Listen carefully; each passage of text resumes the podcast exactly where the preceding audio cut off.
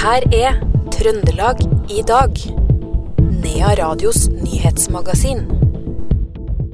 Holtålen kommune sikter på å ha full fiberdekning i løpet av kort tid. Det kom fram på en pressekonferanse i dag.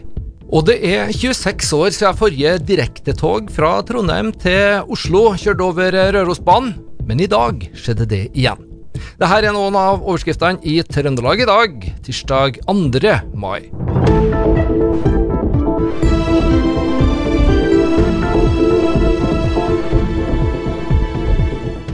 Det er 26 år siden forrige direktetog fra Trondheim til Oslo kjørte over Rørosbanen. Men fra og med i dag og frem til 1.9 så blir det kjørt en eh, daglig avgang i hver retning mellom de her to eh, byene over Rørosbanen. Varaordfører på Røros, Kristian Elgåen fra SV, sier det er en svært gledelig nyhet for eh, fjellregionen. Nå blir det altså noen avganger uh, i hver retning som uh, gjør at man kan reise direkte, og det mener jeg jo er med på å kanskje øke både attraktiviteten og øke oppslutninga om å bruke Rørosbanen. Hvor viktig er det her for fjellregionen? Det er jo viktig i seg sjøl at, at en får reise fra Røros til Oslo gjennom regionen vår uten å bytte tog. Og så mener jo jeg at det her òg er en del av et større bilde, der det har skjedd positive ting på Rørosbanen de siste åra. Både det her og ikke minst det med en del nye togsett som kommer nå etter hvert. Og så mener jo jeg at det her er jo en del av et større bilde der vi ønsker en enda sterkere nasjonal satsing på Rørosbanen som en viktig bane både for transport og person og gods. Hvordan jobber dere for å få til bedre kollektivtilbudet i fjellregionen?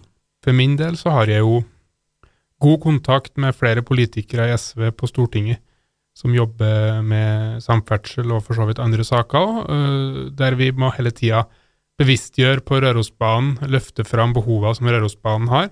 Én ting er jo det langsiktige målet med, med stor opprustning og elektrifisering, og så har vi jo mye annet underveis som vi òg må passe på, sånn som f.eks. nye togsett som nå har kommet, flere avganger, kanskje spesielt mellom Røros og Trondheim, og billigere billetter og slike ting, for å nevne noe.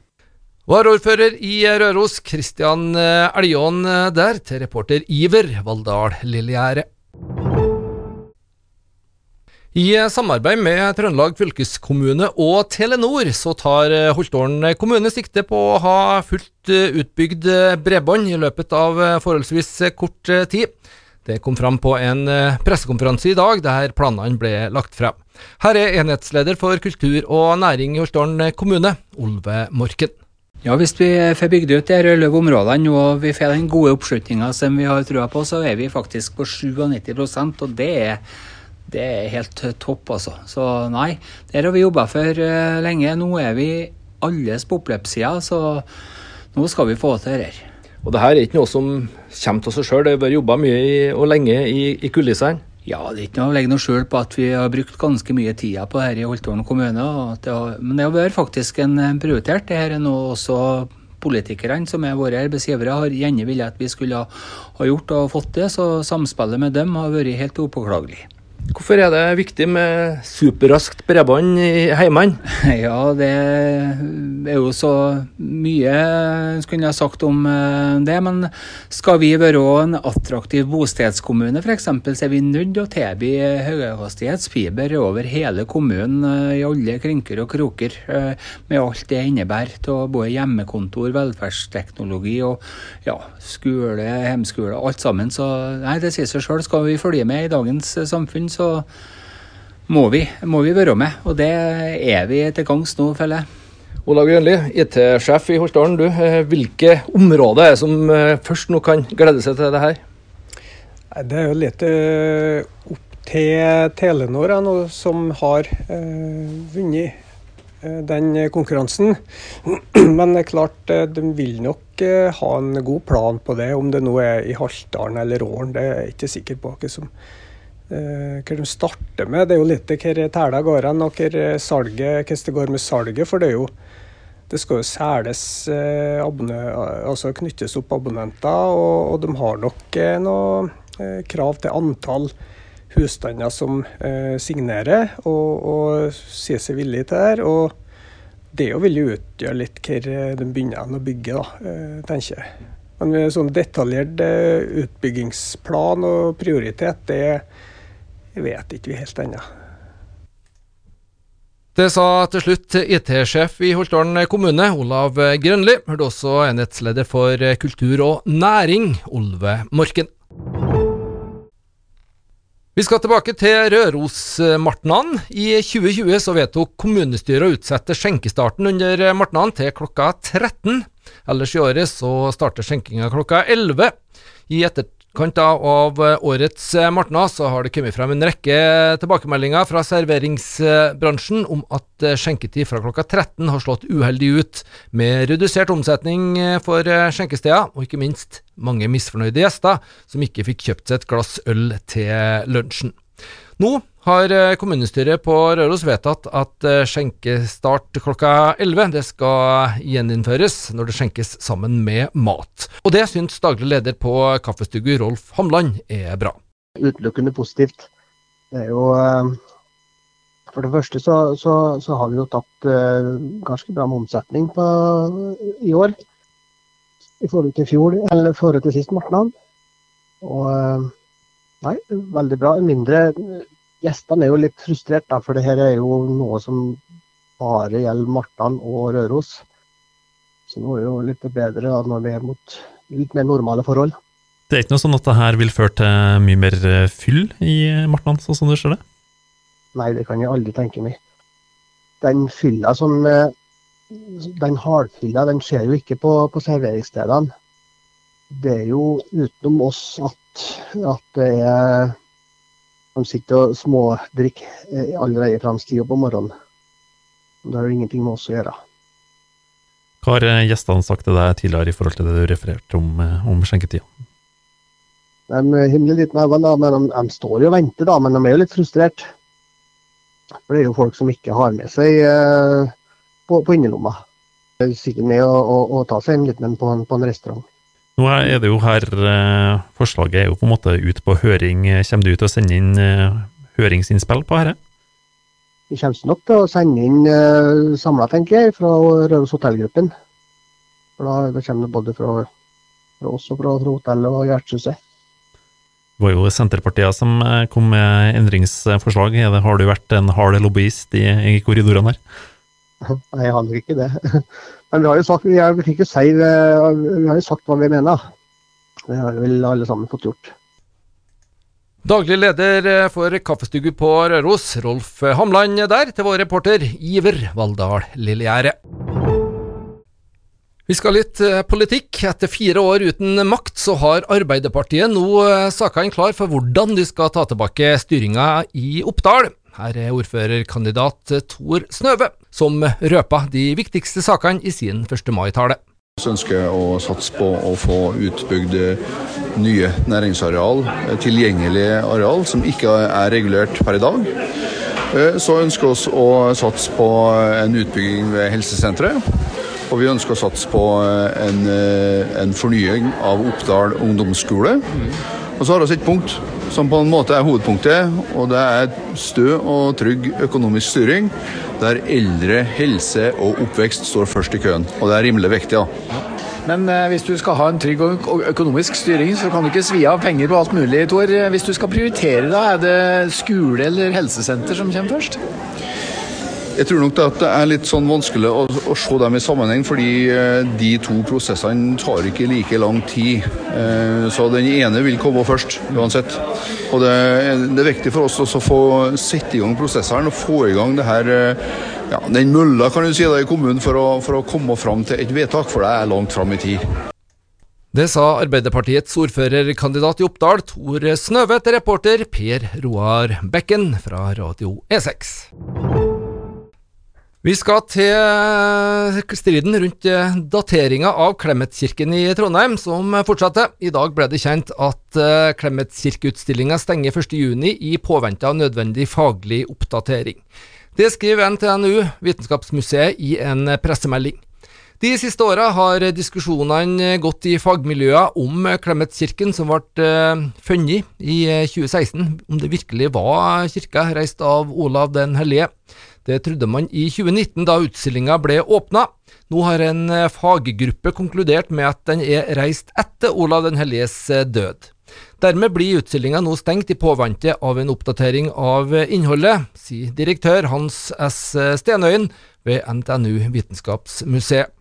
Vi har valgt å gjøre det fordi at eh, kunnskapsgrunnlaget som vi har rundt denne kirka og de her funnene som vi har, det stemmer ikke helt overens med utstillinga sånn som den er akkurat nå. Så utstillinga er aldeles fabelaktig, men faglig sett så er det en del ting som må oppdateres og revideres.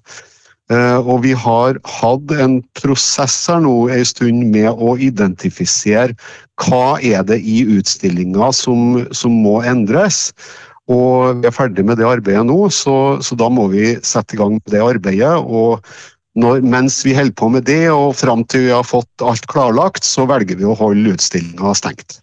Ja, for man trodde jo at denne Clemens-kirken eh, rett og slett var eh, da angivelig reist av eh, Olav den hellige, men nå viser det seg at det kanskje ikke er sånn?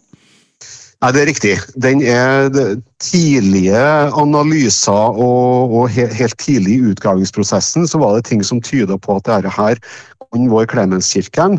Når man har fått undersøkt det her litt nærmere, og i og med Eh, Norsk institutt for kulturminneforskning sin rapport om denne utgravinga som kom i 2021, så var det klart at dette her kan ikke være Klemenskirka. Eh, denne kirka er rett og slett for ung til at det er Olav den hellige som kan ha satt den opp. Så, så da, da, er det, det Utstillinga ble som sagt eh, kjempefin, men, men da må det endres litt. Det sa direktør Hans K. Stenøyen ved NTNU Vitenskapsmuseet til reporter Knut Inge Skjem. Lederen for Tydalsfestivalen, Ann Louise Vågan, har valgt å søke seg ny jobb, og hun blir nå ansvarlig for å arrangere konserter og events på Dora 3 i Trondheim. Det skriver Selbyggen. Nå søker festivalen ny leder, men Vågan blir leder for sommerens utgave. Tida har rett og slett uh, kommet for å søke nye utfordringer, sier Ann Louise Vågan. Det er vel en tid for alt, tenker jeg. Og så tenker jeg også at det er lurt også um, at man ikke blir for lenge i en sånn type stilling, da. For du uh, kanskje etter en stund så har du ikke uh, helt det samme energinivået som når du starta. Så um, jeg føler at uh, det er rett tid å gi seg nå. Du har vært der i, i, fire år, og det første du fikk eh, rett i fanget, det var koronaen. Åssen var det? Det var jo en erfarenhet som jeg føler er veldig grei å ha etterpå. Men når jeg sto midt i det, så, så var det tøft, tykte jeg. Det var jo mye, mye man ikke visste, og mye man ikke det var mye som man måtte liksom ta stilling til, så uten å ha noe erfarenhet av det. Så det var, det var, det var tungt, men veldig lærerikt. Nå skal du jo eh, lede an i, i årets eller sommerens eh, festival, og så har vi jo sett at eh, stillingsannonsen er ute. Hva slags type menneske bør det være man ansetter som sjef for Tydalsfestivalen når, når du slutter? Eh, jeg tror man må være ganske forberedt at det er et stort spenn av eh, arbeidsoppgaver. Da. Men eh, det er jo en fordel at man liker å organisere og få ting på plass. Det er jo mange brikker som skal legges, og ting skal jo stemme sammen til slutt. Og det er, det er mye forskjellig, så det må man jo takle, da. Men når du kommer deg i gang i den nye jobben din, og sånn, det kan vel hende du tar en tur opp på Tydalsfestivalen selv om du ikke jobber der lenger? Ja, var, man må jo stille opp som frivillig, da.